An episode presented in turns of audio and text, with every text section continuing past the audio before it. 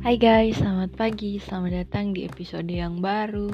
Jadi episode kali ini aku khususin untuk membaca firman-firman Tuhan, kesaksian pribadi dan kesaksian pribadi orang lain.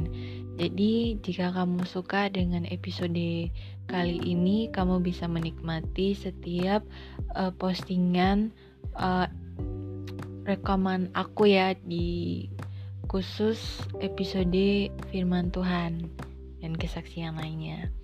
Terima kasih dan semoga Tuhan memberkati. Amin.